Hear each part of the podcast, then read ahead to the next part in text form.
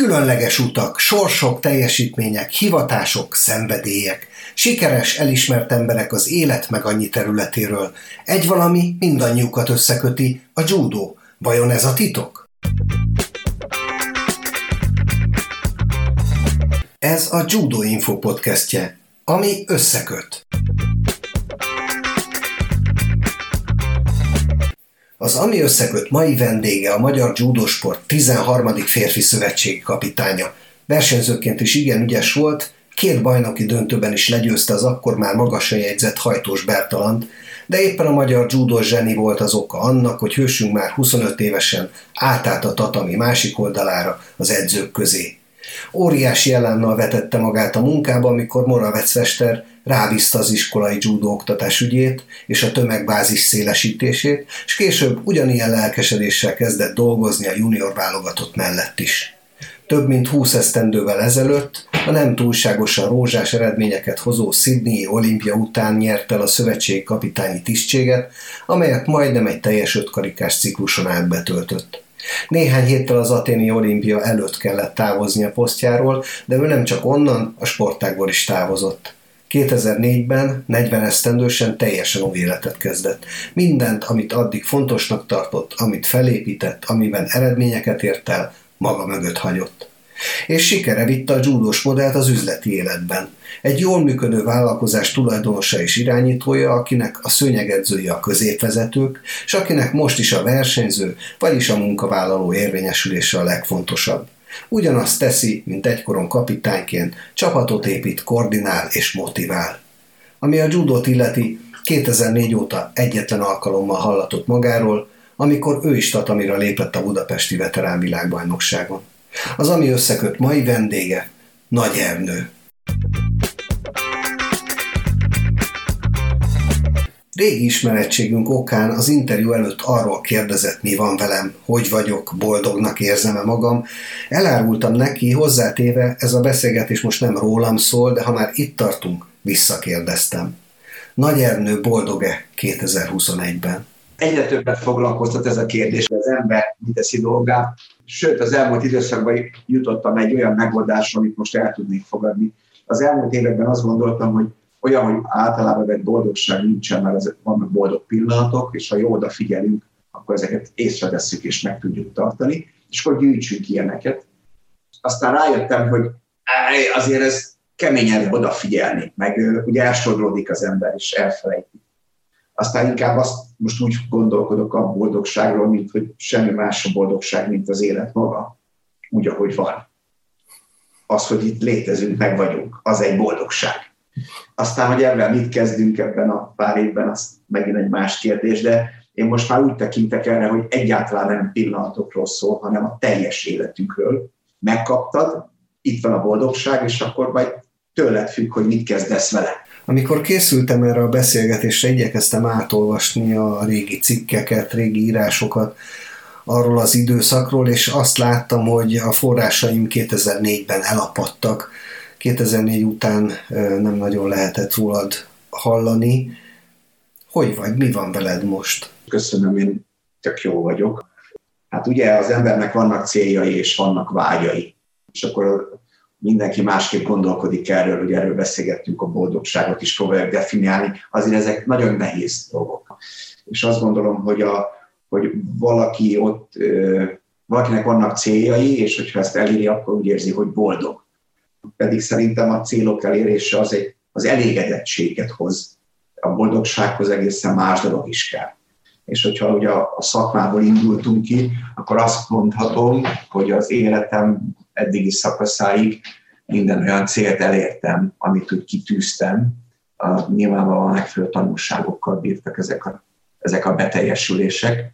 Elégedett lettek a tekintetben is, hogy minden ilyen cél elérése akár jól sikerült, akár nem, ez relatív, de a tanulságokkal együtt hozzásegített ahhoz, hogy mindig tovább tudjak lépni. És hát ugye azért is tűntem én el, mert hát tovább kellett lépnem. Tehát ezzel nem lehetett tovább. Ugye az egy trauma volt nekem is, nyilván volt bennem csalódottság, de ez, ez egy egészen másból fakadó csalódottság volt.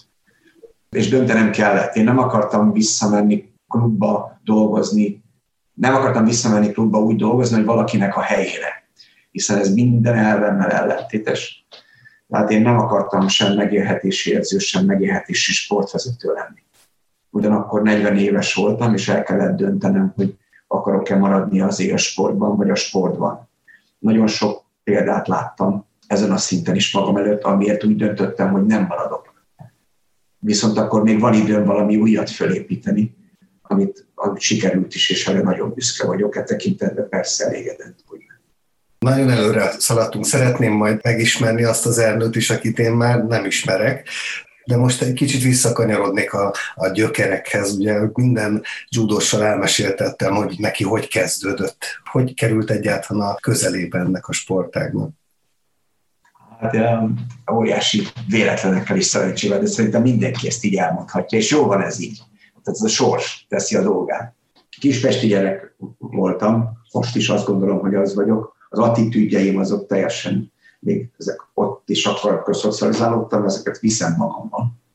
És kilenc éves koromban a, nagyon aktív voltam, és ilyen otthoni díszpárnák voltak, ülőben mindenhol díszpárnák voltak, és azokat tekergettem állandóan. Nyilván mozgékony voltam, és a nővérem kézilabdázott a Queen utcai Spartacus sporttelepen, és mondták, hogy akkor menjek le birkozni, nem bírok magammal és akkor oda levittek, és ott nem volt birkozó edzés, csak volt valamilyen fehér ruhások jöttek, mentek, amire azt mondták, hogy ez a judo, vagy a cselgáncs. Hát mondom, ez nem tudom micsoda, de hogyha olyan, mint a birkozás, akkor én nem jövök még egyszer vissza, akkor itt most én jó helyen vagyok. Hát és akkor rögtön szerencsém lett, hiszen egy olyan közösségbe integrálódtam rögtön tanfolyami jelleggel, akik közül az akkori szereplők most azóta is meghatározó vezetői vagy meghatározó részei a magyar csúdósportnak, vagy azért, mert nagy csúdósok voltak, vagy edzők lettek.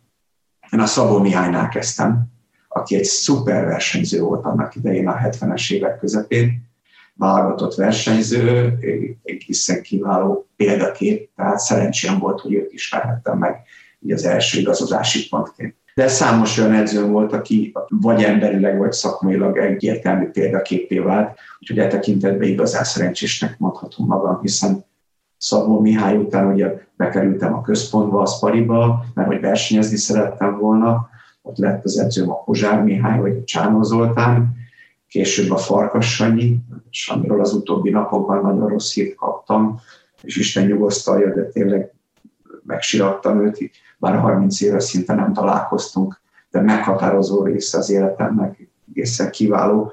Olyan, olyan judós volt ő, aki, aki, aki óriási edzővé vált, de soha nem, a nevét sosem emlegették, de, de ő tudta azért, és rengetegen tudjuk, hogy, hogy ő mit jelentett sokunk számára. Aztán ugye említettem a Farkasányért, aztán jött a Fülöp Sándor, aki szintén egy ikonikus alakja volt a magyar edzői életnek, és azt a válogatott során Keserű József, Ravec Ferenc szintén meghatározó igazodási pontok voltak. Úgyhogy nagyon szerencsés fickó voltam. A Spartakuszban ott a nevelőedzőim környékén már a Valdottságban Darok János és ugye Króner Ferenc volt, akik, akikhez igazodtam. Ez egy csodálatos élmény volt számomra, és azt hittem, hogy a sporton kívülnek nem is létezik más világ. És a barátaim és minden, ami, ami emocionálisan és a siker és a minden szempontból köthet az élethez, az csak is a sporton keresztül tudtam elképzelni. Az első ilyen versenyzői adatok, amiket találtam rólad, azok meghökkentettek, mert nem sok olyan judost ismerni, akár az világból is, aki az akkor már Európa bajnok, olimpiai ötödik helyezett Hajtós Bertalan ellen két bajnoki döntőt is nyer egymás után, de, de, de ilyen nemzetközi szintű eredményeket viszont nem találtam, tehát te ebben a versenyzőségben mennyire akarták kiteljesedni, vagy mikor érezted úgy, hogy, hogy nem ez a te világod? Ez az én világom volt, csak nekem ebben ez volt a küldetésem. Azt gondolom, hogy akkor érzem magam, érezhetem magam sikeres versenyzőnek, hogyha most a hajtós Berci azt mondaná, hogy én sokat segítettem neki a sikerei elérésében mert akkor nekem ez volt a küldetésem. Berci egy egészen hihetetlen, fantasztikus alakja volt a nemzetközi judo életnek. Én is megtanultam judozni, nem azt mondom, hogy nekem elég volt, de én azt gondolom, hogy hiányoztak belőlem olyan képességek, amelyek a nemzetközi, nemzetközi szereplésnek az élvonalába emelhettek volna. Nyilvánvalóan lehetőségem sem volt, hiszen Bercivel egy idős voltam, és a, már egészen ifikorunktól egy ifjúsági barátságverseny kezdetétől a Berci folyamatosan teljesítő versenyző volt minden korosztályban. Az én lehetőségem arra korlátozódott, hogy, hogy segítsen őt ebben a rivalizálásra, hátulról és, és, és, a, és, a, és a belső terekből, a, a hétköznapokban, és hogyha ha ő, vele, ha ő nem teljesít, akkor nyilván én kaptam a lehetőséget, de aztán idő után kifutott ez, hiszen, hiszen már felnőtt, amikor még ifi junior felnőtt korosztályban végig-végig tartalékként vagy második emberként voltam, akkor előbb-utóbb azt mondtam, hogy, hogy ennek véget kell vetni mert rengeteg ambíció maradt bennem, és azt gondoltam, hogy, hogy edzőként ezt fogom tudni pótolni. A, ennek oka volt az, hogy számos olyan példát láttam a környezetemben, amikor én aktív és sportoló voltam, amire azt mondtam, hogy ezt azért nem így kellene csinálni. Tehát a saját bőrömön tapasztaltam, és azt gondoltam, hogy ha én azokat a hibákat nem követem el, amit az edzőim elkövettek, akkor én, én, már, én már biztosan jó edző leszek majd. Persze ők nem csak hibákat követtek el, hanem nagyszerű dolgokat is, és hát persze nyilván azokból építkeztem, csak megpróbáltam nem elkövetni azokat a hibákat, és ez még élénkebb jött bennem, és azt gondoltam, hogy hiába vagyok 26-27 éves, én még aktívan fogom tudni segíteni a versenyzőket, ezért kerültem utána az utánpótlás nevelésbe, ahol rengeteget tudtam az oktatás metodikájáról, a oktatás módszertanáról tanulni még hozzá. És akkor ezen tapasztalatok és a hozzátanult ismeretek vittek odáig, hogy akkor Balog Laci, aki a Honvéd szakosztályigazgató volt, javaslatára kezdjünk el a sportiskolai rendszerben gondolkodni. És Moravec Feri bácsi azt mondta, hogy talicskával hozzak ide embereket, és rám bízza az utánpótlás nevelést. És az iskolarendszeri oktatás az egy nagyon jó lehetőség volt erre és a múlt igazolja is, hogy ez is egy nagyon fontos sikere volt az életemnek. Említetted, hogy már korán áttértél az edzőségre. Én találtam egy 1990-es cikket, pont a szakosztály igazgató nyilatkozott akkor a Honvédnál a változásokról. És ebben az interjúban említette, hogy egy új edzői stáb állt össze, Moravec Ferenc, Orsvár András, Csuka Zoltán és Nagy Ernő veszi kezébe a, a Honvédnak a szakmai irányítását, ez 1990-ben, de akkor 25 éves voltál. Igen, igen, én akkor felhagytam az élsporttal, hiszen családot alapítottam, és megváltoztak a prioritások, meg hát mondom az ambíciók is, tehát beláttam, hogy, hogy Berci, Ber, Berci érdekében már mindent meg tudtam tenni, a magam érdekében mindent elkövettem, eddig jutottam, de ahogy említettem, volt még sok marad bennem, és én akkor azt gondoltam az utanpotlás nevelésben, az edzősködésben, majd beváltunk még ezeket a bónuszokat az életemben. Említetted ezt a sportiskolai rendszert is, és erről is találtam egy, egy érdekes cikket 1998-ból, ami arról szólt, hogy talán 13 környékbeli iskolával volt már szerződése ugye az Egyesületnek, és havonta 1500-1600 gyerek fordult meg rendszeresen a Tüzér utcai csarnokban, és két évvel később pedig megjelent egy könyv, amire ma is sokan hivatkoznak, küzdő sportok az iskolai testnevelésben címmel a, a neved alatt. Tehát ezt a, ezt a feladatot, vagy ezt a küldetést elég komolyan vetted. Nagyon komolyan vettem, és nem győzök elég hálás lenni. Még egyszer szeretném Balogh Laci nevét megemlíteni, az akkori honvédos szagosztály igazgatót, akinek, aki tényleg elő, volt egy előrelátása e tekintetben, és jól jött számunk, hogy a Nemzeti Alattanterv részévé kezdett válni a, a, a küzdősport, és a cselgáncs, mint letisztult olimpiai sportág a maga szabályrendszerében nagyon-nagyon is alkalmassá lát arra, hogy, hogy a Nemzeti Alattanterv keretein belül az iskolarendszeri oktatásban a judosport módszertanából átemeljük bizonyos részeket. És a Budapesti Sporthivatal megkért engem arra, hogy kezdjek el testnőle tanároknak továbbképzést tartani, és egy elképzelést megmostani, hogy, hogy hogyan is történjen az iskolarendszerű képzés iskolai keretek között. Fontos szempont volt, hogy különösebb feltételek nem álltak rendelkezésre. Nem volt tatami, nem volt judoruha. Sérülés nem lehet okozni. Fiúk, lányok, bárki csinálhassa. Szóval nagyon nehéz volt, nagyon sok kötöttséggel járt, és erre kellett egy, egy módszertani elvet és egy oktatási metodikát fölépíteni. Elkezdtem jegyzeteket készíteni, hiszen minden előadást a térselő tanárok felé máshogy tartottam, hiszen ebben én is fejlődtem, ugye a retorika is, meg a, meg a szakmai tartalma is folyamatosan finomodott, és, és az első fél évet követően azt gondoltam, hogy már jegyzetekkel készül ezekre az előadásokra, hogy a tanárok vissza tudják lapozni a fontosabb elveket, és a jegyzetből született egy oktatási kézikönyv, amelyik először a Budapesti Sporthivatal gondozásával jelent meg, a 2000-es évek elején a, egy pécsi Dialog Campus kiadó gondozásában már színes formátumban is sokkal letisztultabb szerkezetben vált népszerűvé. Rendkívül sokat tanultam ennek az anyagnak az összeállításából magam is, és nagyon büszke vagyok rá természetesen.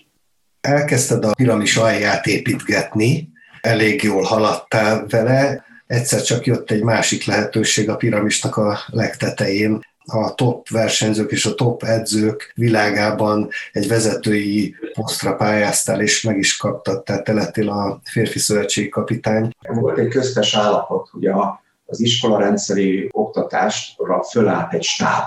Az én volt tanítványaimból, akik közben felnevelkedtek, és testnős egyetemet végeztek, és én megkértem őket, hogy segítsenek a, a sok-sok iskolában ellátni ezt a feladatot vagy szolgáltatást és orradó tanárként jártunk ki az iskolákba, és a, ez a stáb összeállt, én azt láttam, hogy ők egészen kiválóan csinálják már.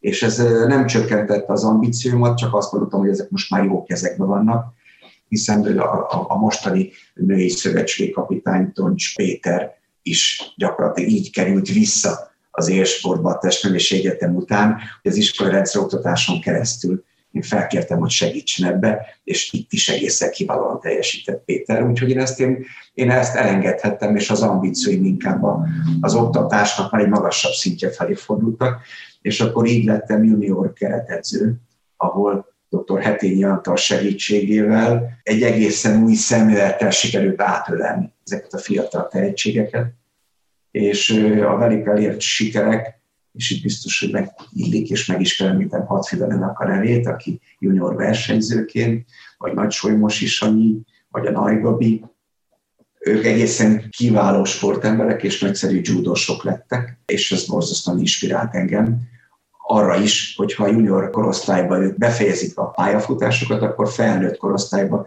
tudjam őket tovább inspirálni, hiszen közös sikereket értünk el. És nyilvánvalóan kellett ehhez sajnos egy, egy kudarcos Sydney olimpia, és ott a sportág egy megújulást várt, és egy új szemléletet, és gondolom, hogy emiatt a, ez a reform szemlélet, ami a versenyzőkre kell, hogy összpontosítson, ezt képviseltem én magam, legalábbis ezt gondoltam akkor magamról, és ez az új szemlélet, ez akkor nagyon kellett a csúdosport megújításához. És ezért volt bátorságom szövetségkapitányi posztra pályázni, aminek után ugye bizalmat is kaptam a következő olimpiai ciklusra. Milyen volt akkor a válogatott? Ugye egy korszakváltás közben voltunk, hiszen még a barcelonai hősök többé-kevésbé aktívak voltak, és már jöttek a fiatalok, akik még nem igazán tudtak komoly eredményeket felmutatni. Igen, tényleg egy nagyon ellenmondásos helyzet. Látod, ezzel nem is gondolkodtam eddig, mert ez a természetes közeg volt hogy volt egy olimpia után egy sportban kiábrándult, vagy útkereső, rendkívül ritmus és értékes versenyző állomány, Kovács Anti és Miki Csák Józsi főszereplésével, és rengeteg érték volt és maradt is volna bennük, hogyha nem tudom őket valahogy frissíteni.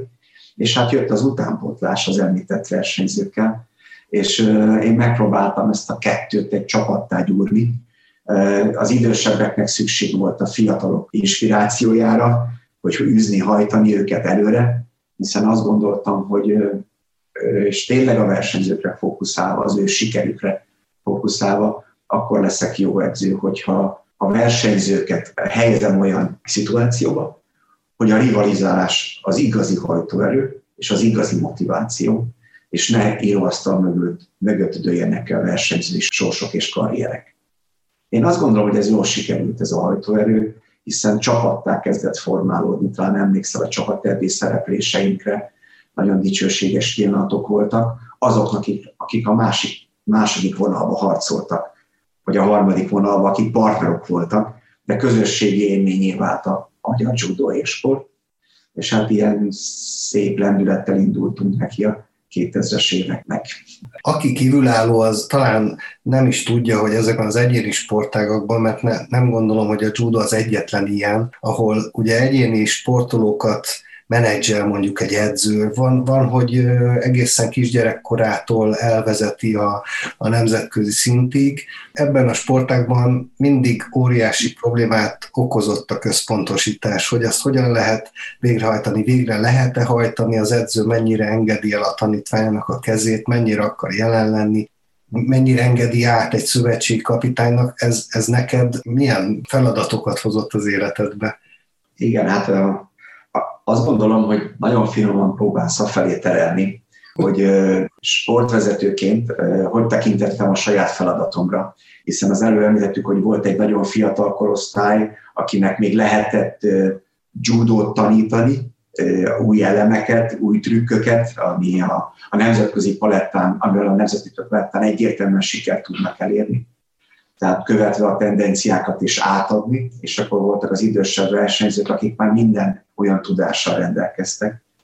Tehát nyilván a Kovács Antival, vagy és Mikivel nem az volt a feladatom, hogy új trükköket tanítsak meg nekik, hanem olyan körülményeket teremtsek, hogy a tehetségük és a bennük lévő ambíció még ki tudjon teljesedni.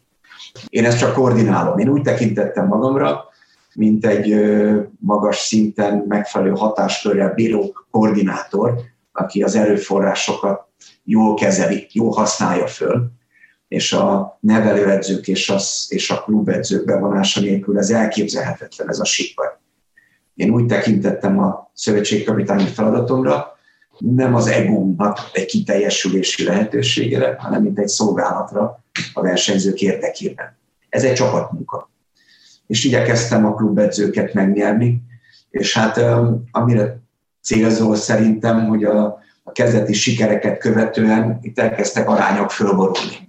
Egyre többen érezték azt, hogy a saját egójuk kiteljesítésére van lehetőség ezen a palettán, és úgy éreztem, hogy a versenyzők kezdenek háttérbe kerülni, néhány edzőnek inkább a saját egyéni érdeke indul el ambícióként, amire azért szükség van, és a legfontosabb feladatom volt ezeket keretet közé tartani, és megvalami szintén nem is mindig sikerült eljutunk addig, hogy ez a munkád nem igazán tudott kiteljesedni, hiszen, hiszen végigvittél egy ciklust, amiben voltak nagyon szép eredmények. Ugye említettük a barcelonai hősöket, akik közül Kovács Anti 8 évvel a világbajnoki címe után ismét VB döntős volt, Európa-bajnoki sikereket ért el, vagy jött egy új generáció, ugye a 2002-es Maribori Európa-bajnokságon volt egy csodálatos, egy hősnek a születése, aki még most is indul az Európa-bajnokság, ugye a 18. EB-je lesz Ungarikinek most néhány nap múlva.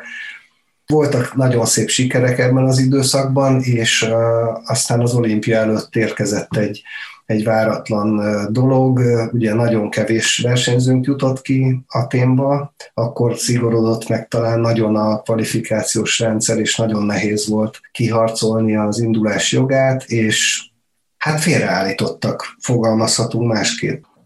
Hát most sok mindent említettél, és nyilván ennyi időtávlatnál is az emberben főleg korbácsolódnak. Egyébként nagyon helytelenül az, az indulatok úgyhogy én megpróbálnám ezt objektívebben látni a saját utamat e, e tekintetben. És, és kicsit visszautalva rád azt említetted, hogy, hogy eredmények, és az én munkámnak a sikere. A, én úgy gondoltam akkor is, meg talán most is, hogy a, az eredmény az a versenyző dicséri, és az ő edzőjét. Az én munkám az a sporták sikerének a mércéje, és hogyha ebben a, az én munkámban ez a siker abban mérhető, hogy egy, egy új kommunikációval, egy reform gondolatokkal, ahogy említettem, a versenyző előtérbe helyezésével.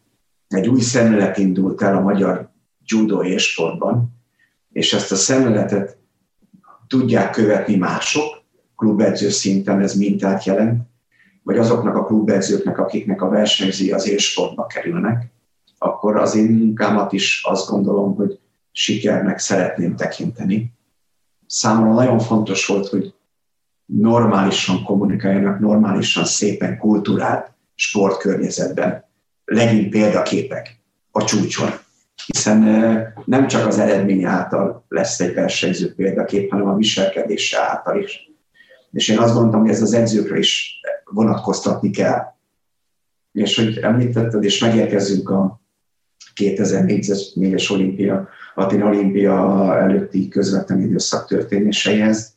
Én azt gondolom, hogy abban a helyzetben valóban kinyílt egy kapu, és a, és a szövetség elnöksége talán nem tudta uralni ezt a szituációt, hiszen abban a helyzetben ott mindenkinek igaza volt. Ezért nem vagyok sértődött, és nem vagyok csalódott. Persze bizonyos értelemben igen, de ezt én így nem, ez nem ennyire, nem ennyire erős, és nem ennyire markáns. Mindünk abban, hogy mindenkinek igaza volt, és nem, és nem lehetett igazságot tenni. Viszont, viszont azt gondolom, hogy ha az etika és a morál, vagy az erkölcs mentén működik, akkor a szövetség elnökség, ami elvárható lett volna, akkor talán nekem is lett volna szerepem és felelősségem az olimpiai sikerben vagy sikertelenségben, de mivel szövetség ott nem állt ennek a magaslatán, és a saját szempontrendszer szerint osztott egy igazságot, ami engem arra ítélt, hogy ne, ne jussak ki az olimpiára, és ne tudjam a versenyzők körülményeit úgy rendezni, hogy a sportformájukat kifussák. Ezért sajnos lett egy rendkívül kudarcos sikerélmény, és um, amit mai napig nem tudok hova tenni, és nagyon szeretném majd egyszer valaki nekem őszintén elmondaná, hogy mit gondol arról az időszakról, legyen az versenyző, akár kettő is, aki a világranglista éléről került ki az olimpiára, és a papírformát sem tudta hozni, vagy legyen az az edző, aki a saját egóját előtérbe helyezte, és a olimpiát saját maga életén nagy lehetőségnek tekintette, és nem arra gondolt, hogy ez a versenyzőnek a hatalmas lehetőség. És szerintem így csúszhattak el a dolgok. Nekem ott nem volt más választásom, mint hogy hátralépjek. Mert továbbra is azt gondoltam, hogy ha ez egy harcba indul el, egy sportvezetői harcba, akkor az olimpiai közvetlen felkészülési időszak a beszédét, ami megegyezik a formába hozás és formaidőzés időszakával, és akkor bizony rámehet az olimpia. Ezek a versenyzők tudtak mindent ahhoz, hogy olimpiai érmesek legyenek, és életük nagy álmát megvalósítsák. A körülmények sajnos nem váltak olyan az utolsó időszakban, hogy ez, hogy ez beteljesüljön, de akkor én már nem voltam benne a buliba, ahogy szokták mondani. Szóval nem csendbe kullogtam el, hanem avval a belátással, hogy én most már csak ártanék, hogyha az egómat tolnám be, vagy igazságot keresnék, majd is kiderült tőle minden.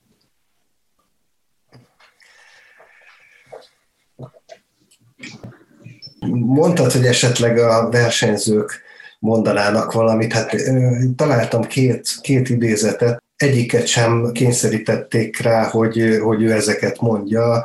Az egyik nyilatkozat így hangzott, hogy az elvégzett rengeteg munka önbizalmat adott, mert az a meggyőződés alakult ki bennem, hogy ennél többet egészen biztosan mások sem edzenek. Több szövetségi kapitánytól, Kovács Gábortól, Moravec Ferenctől, Nagy Ernőtől is sokat tanulhattam, de sikereimben egyértelműen Hangyási Lászlónak volt a legnagyobb szerepe.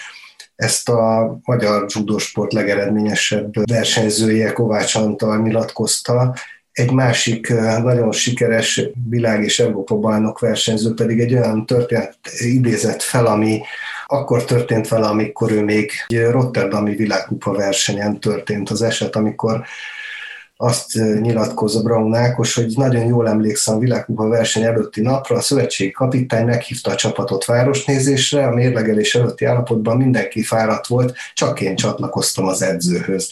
Pizzát ettünk, és megkérdeztem, mit gondolok a judo karrieremről. Meglepődött, amikor azt mondtam, hogy ez lesz az utolsó versenyem, hazamegyek és befejezem a judót, elkezdek civil munkát keresni. Azt mondtam neki, 24 éves vagyok, van néhány ötödik helyezésem a nemzetközi versenyeken, de nincs érmem, nem tud tudtam kijutni a világbajnokságokra és Európa-bajnokságokra, még juniorként sem, nincsenek eredményeim, nem engedhettem meg, hogy több esélyt adjak magamnak.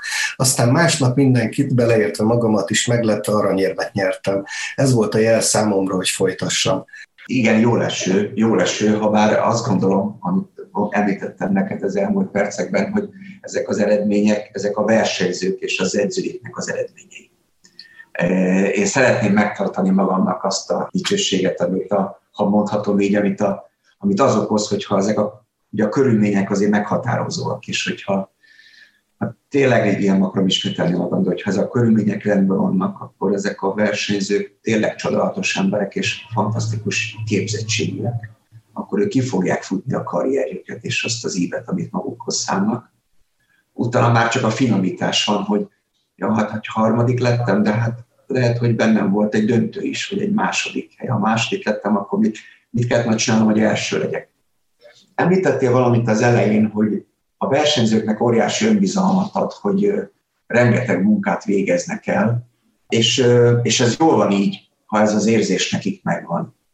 Ugyanakkor azt gondolom, hogy a, az én sportvezetői szem, vagy edzői szemletem, az, az kicsit távol állt attól, hogy azt mondjam a versenyzőknek, hogy dolgozzatok látástól kapulástig, amennyit belétek fér, akkor is edzetek, amikor az ellenfél nem edz. Mert egy kicsit olyan színe van ennek, mintha azt mondanám, hogy ugye lehet, hogy nem leszel eredményes, de legalább elmondhatjuk, hogy mindent megtettünk. És ezért sokszor edzők belefutnak a túlmunkába, hogy olyan munkára kényszerítik a versenyzőt, amitől nyilván ki tud élni a szervezet azt mondja, hogy neki köszönjük szépen elég. Először ugye fiziológiai szempontból, aztán lelki szempontból is feladja, és egyszer csak ambíciótlanná válik. És én azt gondolom, hogy ilyenkor nem elég azt mondani, hogy hát kiégtem, de nálam többet senki nem edzett. És én azt gondolom, hogy itt van, a, itt van az egészen kiváló edzőnek a, a szerepe, hogy amikor azt mondja, hogy figyelj, most a pihenés az edzés része. Most ne edzél, most nem kell, most itt kicsit gyere vissza, menjünk el sétálni a városba, vagy, vagy, vagy most menjen egy moziba, vagy menjen a barátnőbe bárhova. Én nagyon sok olyan példát láttam, amikor arra utaltam az elején, hogy nem követem el azt a hibát, amit esetleg más edzők elkövettek, és a bőrömön éreztem, onnan hozom a példát, hogy nem mertek kiengedni az edzőteremből, mert azt gondolták, hogy akkor nem edzek, és akkor nem leszek annyira jó. De hát hát ismeri a szakirodalom a túledzés fogalmát, és hát az, az, az, egy, az egy borzasztó helyzetet terem. Mi láttuk a nyugati judósokat, amikor elmentünk hozzájuk edzőtávolba, hogy majdnem jogáztak, meg nyújtogattak.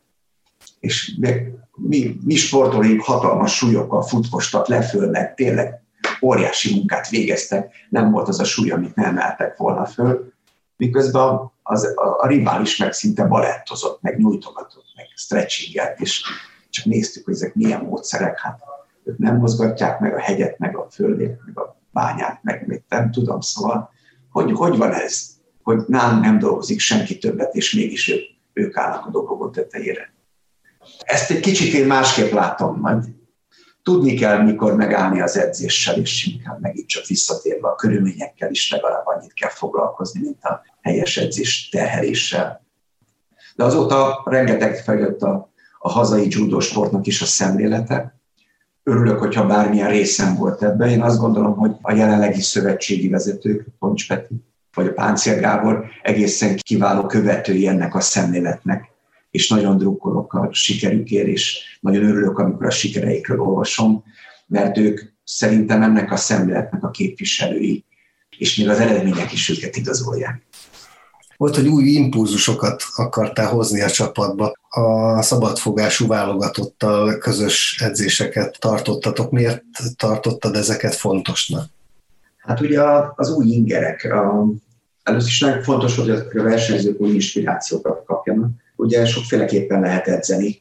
A terhelésnek meg kell történnie, de hát az egyhangúság, az egy síkú feladat végrehajtás, az előbb-utóbb unalomba unalomba és közömbösségbe megy át, illetve hát partnerokat kellett biztosítani. Abban az időszakban sok változás volt a 90-es évek második felében, és az élsport az úgy kezdett önálló entitássá válni, és a szabadidős sporttól igen-igen elvált. És egy elit közösség alakult. Én azt gondoltam, hogy ha nekem van hét válogatott versenyzőm, akkor hát oké, okay, hogy ők deklaráltan a legtehetségesebbek és a legjobbak közül való, de ki fogja őket felkészíteni. Tehát és akkor itt jön a második, harmadik, negyedik sor, akiket szintén meg kellett szólítani. És lehet, hogy azoknak a versenyzőknek nem voltak olimpiai bajnoki céljaik, de szeretett volna országos bajnok lenni, vagy Budapest bajnok, vagy megyei bajnok. És hát a saját céljai tekintetében az a legmagasabb. És én azt gondoltam, hogy sportág vezető képviselőjeként nekik is programot kell adni. És a megfelelő helyen kezelni ezt az ambíciót, és rájuk is szükség van partnerként. És hogyha még partnerként a legjobbak között edzenek, és azáltal lesznek megyei bajnokok, akkor ők is elérik a sikerüket. És ugye itt már megint csak arról beszélünk, hogy a versenyző az első. És nem csak a top, hanem bármilyen szinten is, hiszen ott egy ember van mögötte, akinek nem kisebb ambíciói vannak, mint a leendő olimpiai bajnoknak, csak legfeljebb a képességei nem arra determinálják ők, hogy az legyen. Úgyhogy meg kellett találnom a partnerállományt, vagy azt a közösséget, amelyik kisegíti az akkori top 7 embert, a versenyzőt, és hát a, a birkózók között is találtam erre lehetőséget. Ráadásul a birkózók is ugyanebből a problémával küzdöttek, és ott a akkori szövetségkapitányban nagyon jó partner találtam abban, hogy hozzuk össze őket. Mi bedupláztuk a partnerokat.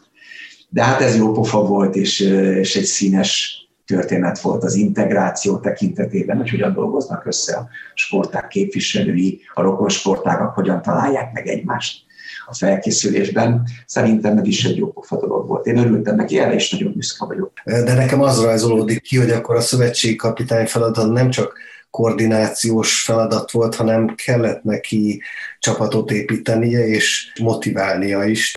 Amikor nem ment az aténi olimpia, ugye lemondtál a, a szövetségkapitányi posztról, és a, a forrásaim szerint elapad minden kapcsolatod a judóval. Ez, ez hogy történt? Hát így. Így, ezt nem lehet félig csinálni. Ezt sem lehet félig csinálni. Ezt vagy csinálom, vagy nem csinálom. Tehát, hogy említettem neked, hogy klubban nem szerettem volna, hiszen a klub munka az a megítélésem szerint nagy, a műhelyek nagyszerűen próbálták végezni a lehetőségekhez képest a munkájukat. Én nagyszerű edzőkkel találkoztam, akikbe érdemes volt bízni. Hogy menjek én oda, hát ő teszi a dolgát, ismeri a, a helyi kulturális közeget, ott bevált receptek szerint dolgozik, kiváló nevelő edző, a versenyzője bízik benne, én oda nem, nem lett volna való oda mennem valaki helyére. Ez fel sem merült bennem, akkor minden elvesz szembe megyek. És nem volt más választásom, el kellett ma döntenem, hogy hol képzelem el magam a, a sportba, vagy az élsportba, szabadidős sportba. Az iskolai testnevelés jó úton volt a Budapesti Honvédban, ott már beteljesültek a céljaim, a top sportban nem tudtam többet tenni, és akkor azt gondoltam, hogy minden, amit tanultam a sportban, mindez az ambíció, hogyan tudom átültetni a civil életbe. Hangsúlyozom, hogy láttam magam előtt a rossz példát abban, hogy hogyan próbálnak sportvezetők vagy edzők megélhetési szinten a sportágba vagy a pozícióba maradni. Óhatatlanul is e felé sodrottam volna, hogyha én itt maradok. És én ezt, ezt az elvet ezt tagadtam, úgyhogy nekem nem volt más utam, csak a civil élet, amit előtte el nem tudtam képzelni, és minden az a küzdőszellem, vagy az a, az, az ambíció, vagy az a hit, azt megpróbáltam beletenni az üzleti életbe, és egy olyan szolgáltató céget hoztam létre, amelyhez nem kellett különösképpen szakértelem, viszont, viszont csapatot kellett építeni, szervezetet kellett építeni, erőforrásokat kellett összefogni a siker érdekében. És hát valószínű, hogy a sportból jött attitűdökkel hajlandó voltam többet beletenni ebbe, mint más ember, és azt gondolom, hogy a tekintetben is szép sikereket tudtam elérni. Ugye elmúlt, sem nem is tudom, 15-18 év, és hát sok száz család megélhetésért vagyok felelős, és felelős cégvezetőként, cégtulajdonosként igen, azt gondolom, hogy többet tettem bele, mint az átlag ebbe is. És azért elégedett vagyok, köszönöm kell, akkor boldog. Mivel foglalkozik a céged? A facility management szolgáltatásokat nyújt, a infrastruktúra és üzemeltetési szolgáltatásokat nyújtunk ipari, ipari területeknek. A szolgáltatás szervezéssel foglalkozik, legyen az ipari takarítás, műszaki üzemeltetés vagy kertkontozás, vagy különböző porta szolgáltatások. Ugye ez jelen pillanatban a cég az 400 munkavállalóval bír, és, és meg annyi a dolgozik a cégnek. Próbáltam azt a sportból. Én, nekem minden a sportról szól most is. Bármikor gondom van, akkor visszagondolok a sportra, hogy ott mi történt és hogy történt, és ott milyen megoldások voltak a siker irányába, a siker lehetőségét milyen megoldások hozták, és a mai napig még ez jelenti nekem a mintát. Ezen az értékrend mentén dolgozunk. Itt is a versenyző a legfontosabb, vagyis a munkavállaló, és hát ugye itt is vannak, itt is vannak szőnyegedzők, ugye középvezetők, akik, akik hihetetlen ambícióval teszik a dolgokat, és hát itt is rengeteg alkalommal bele kell állnom az etika és a morál szintjén, hogy úton tudjunk maradni. Azt gondolom, ez sikerült, de nehéz és mindennapi kihívásokat rejt, úgyhogy igen, szóval nem unatkozom. Volt egy kis vissza kacsintásod a judóra, amikor ugye veterán világbajnokság volt Budapesten, akkor, akkor újra fölhúztad a, a judogit és kiálltál a tatabira. Ott milyen motivációid voltak? Szerettem volna megfelelni.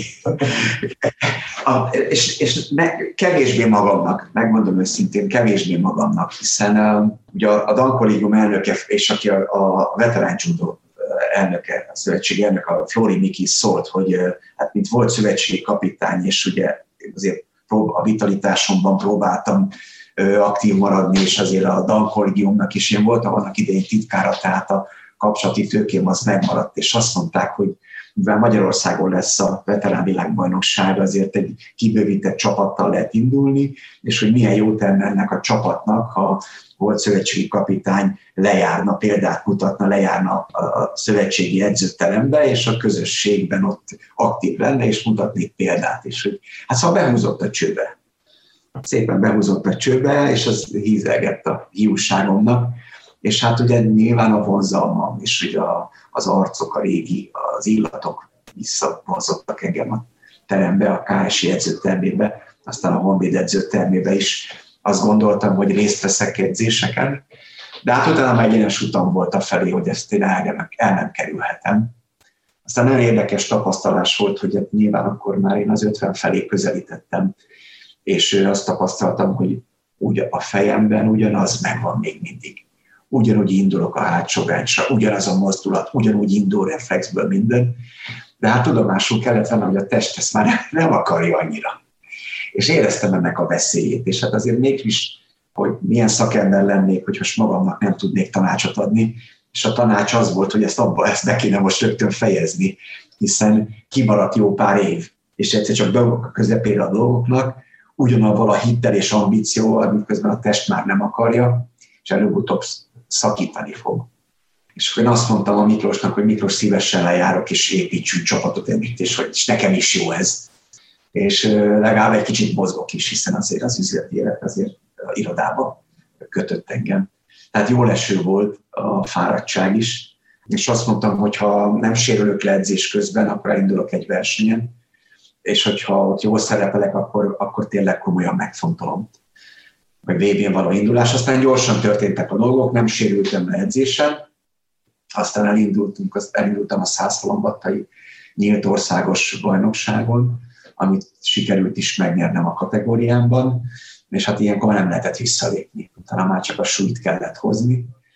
És, és hát akkor azért nyilván ez a hetedik hely, amit elértem, az, az nekem nem volt siker. Annál is inkább, mert megzavart engem az elmém. Szóval orosz versenyzővel kezdtem, álmondom, hát ez, ez kész már megint, ugye a régi beidegződések, és hát sikerült. Tehát ez nem volt probléma az első forduló és a már a, ugye a négy közé jutásért én egy, egy, egy francia versenyzővel küzdöttem, aki, aki viszont azóta se hagyta abba a judót. A francia magatoknak a szőnyegegyzője volt, és hát ez hihetetlen fazon volt, és természetesen nem tudtam legyőzni. Ő később világbajnok is lett. De ami, és akkor ez még belefért abba a helyzetbe, hiszen érdem, tehát hogyan is nyerhettem volna hát ezt de a visszamérkőzések során még tudtam hozni egy mérkőzést, és utána egy olyan angol versenyzővel mentem, akire csak arra figyeltem, hogy ne ne sérítsem szegényt. És, és itt becsapott az elmém, hiszen addig kergetőztünk a szőnyegen, amíg egy valamilyen oknál fogva egy intést én az elején benyeltem, de nem passzivitásért valami szőnyegszeri szituáció miatt, és addig üldöztem a versenyzőt, amíg letelt. Letelt ez a rövid két és fél perc, és Hát én ezt elvesztettem, azt, azt a meccset, a, a, ahol féltettem az ellenfelet. És én akkor azt mondtam, hogy na itt nincsenek rendben. Ez így nincsen rendben. Tehát nem érdemeltem jobb eredményt, elképesztő taktikai hibát követtem el, rossz tanácsadója voltam magamnak, és akkor azt gondoltam, hogy ezt itt kellett, itt kell befejezni. De volt egy hihetetlen momentum ezen a versenyen, és minden elégtétel, amit a sportákból az ember kaphat, az benne volt ott egy pillanatban. Ugyanis amikor az orosz versenyzőt legyőztem, akkor az időmérő, akkor a szőnyeg mellett a, az időmérő bíró az Pozsár Misi bácsi volt, akit említettem az interjú elején, hogy úttörő korosztályban az edzőm volt, és ő egy legendás belső professzor volt, és én tőle tanultam a belső szondobást, ami azért későbbiekben is nekem egy meghatározó technikám volt és a Misi bácsi szem előtt tudtam az orosz versenyzőt egy belső comb. Hát ez nehéz. Szóval, tehát akkor sikerült nekem egy belső dobnom, ez ipon lett nyilvánvalóan, és az első pillanat az ipon követően az, hogy kitekintettem a Misi bácsira.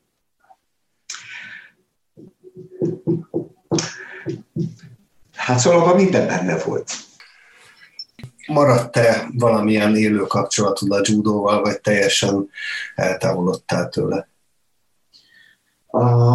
Természetesen próbálom követni a, a social media felületeken. Nagyon zavarba hoz, hogy az, az a számos szabálymódosítás az én szememben most már egy egészen más judót mutat. Ezért néha azt érzem, hogy ezért már nem is nem értek, szóval tényleg csak beszélgetni tudok róla, mint lelkes szurkoló. Valószínűleg ez nem így van, hiszen gyors, gyorsan tudnék alkalmazkodni. De eltávolodtam, ez kétségtelen minden szempontból. Élő kapcsolatom inkább csak dr. Hidas Péterrel van, aki a szövetségnek a nagyszerű orvosa.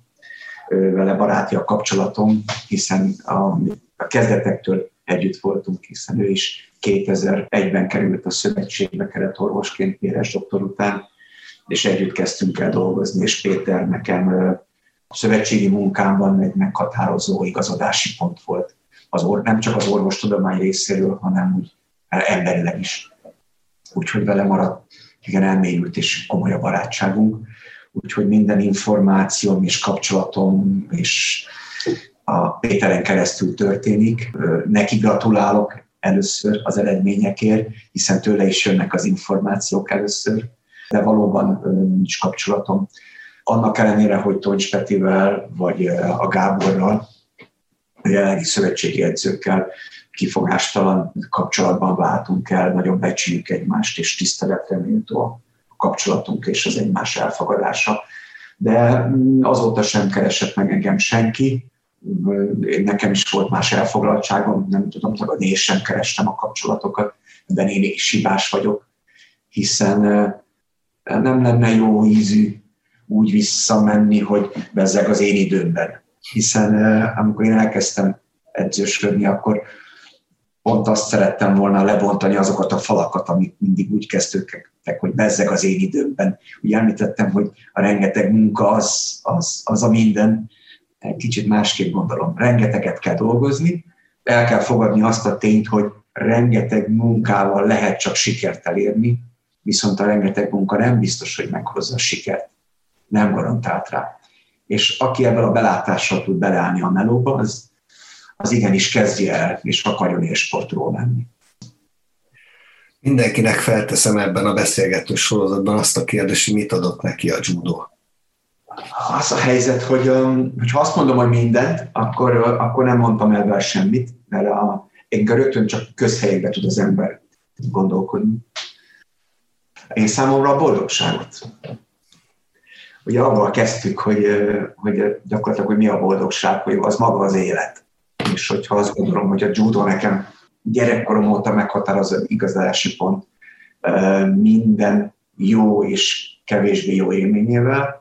Én azt gondolom, ez mind úgy vállalható volt, ahogy volt, és, és borzasztóan elégedett lehetek, és nagyon szerencsés, hogy ez így alakult. Úgyhogy nekem mindent. Ami összeköt. Ez volt a Judo Info podcastje. Tartsanak velünk legközelebb is.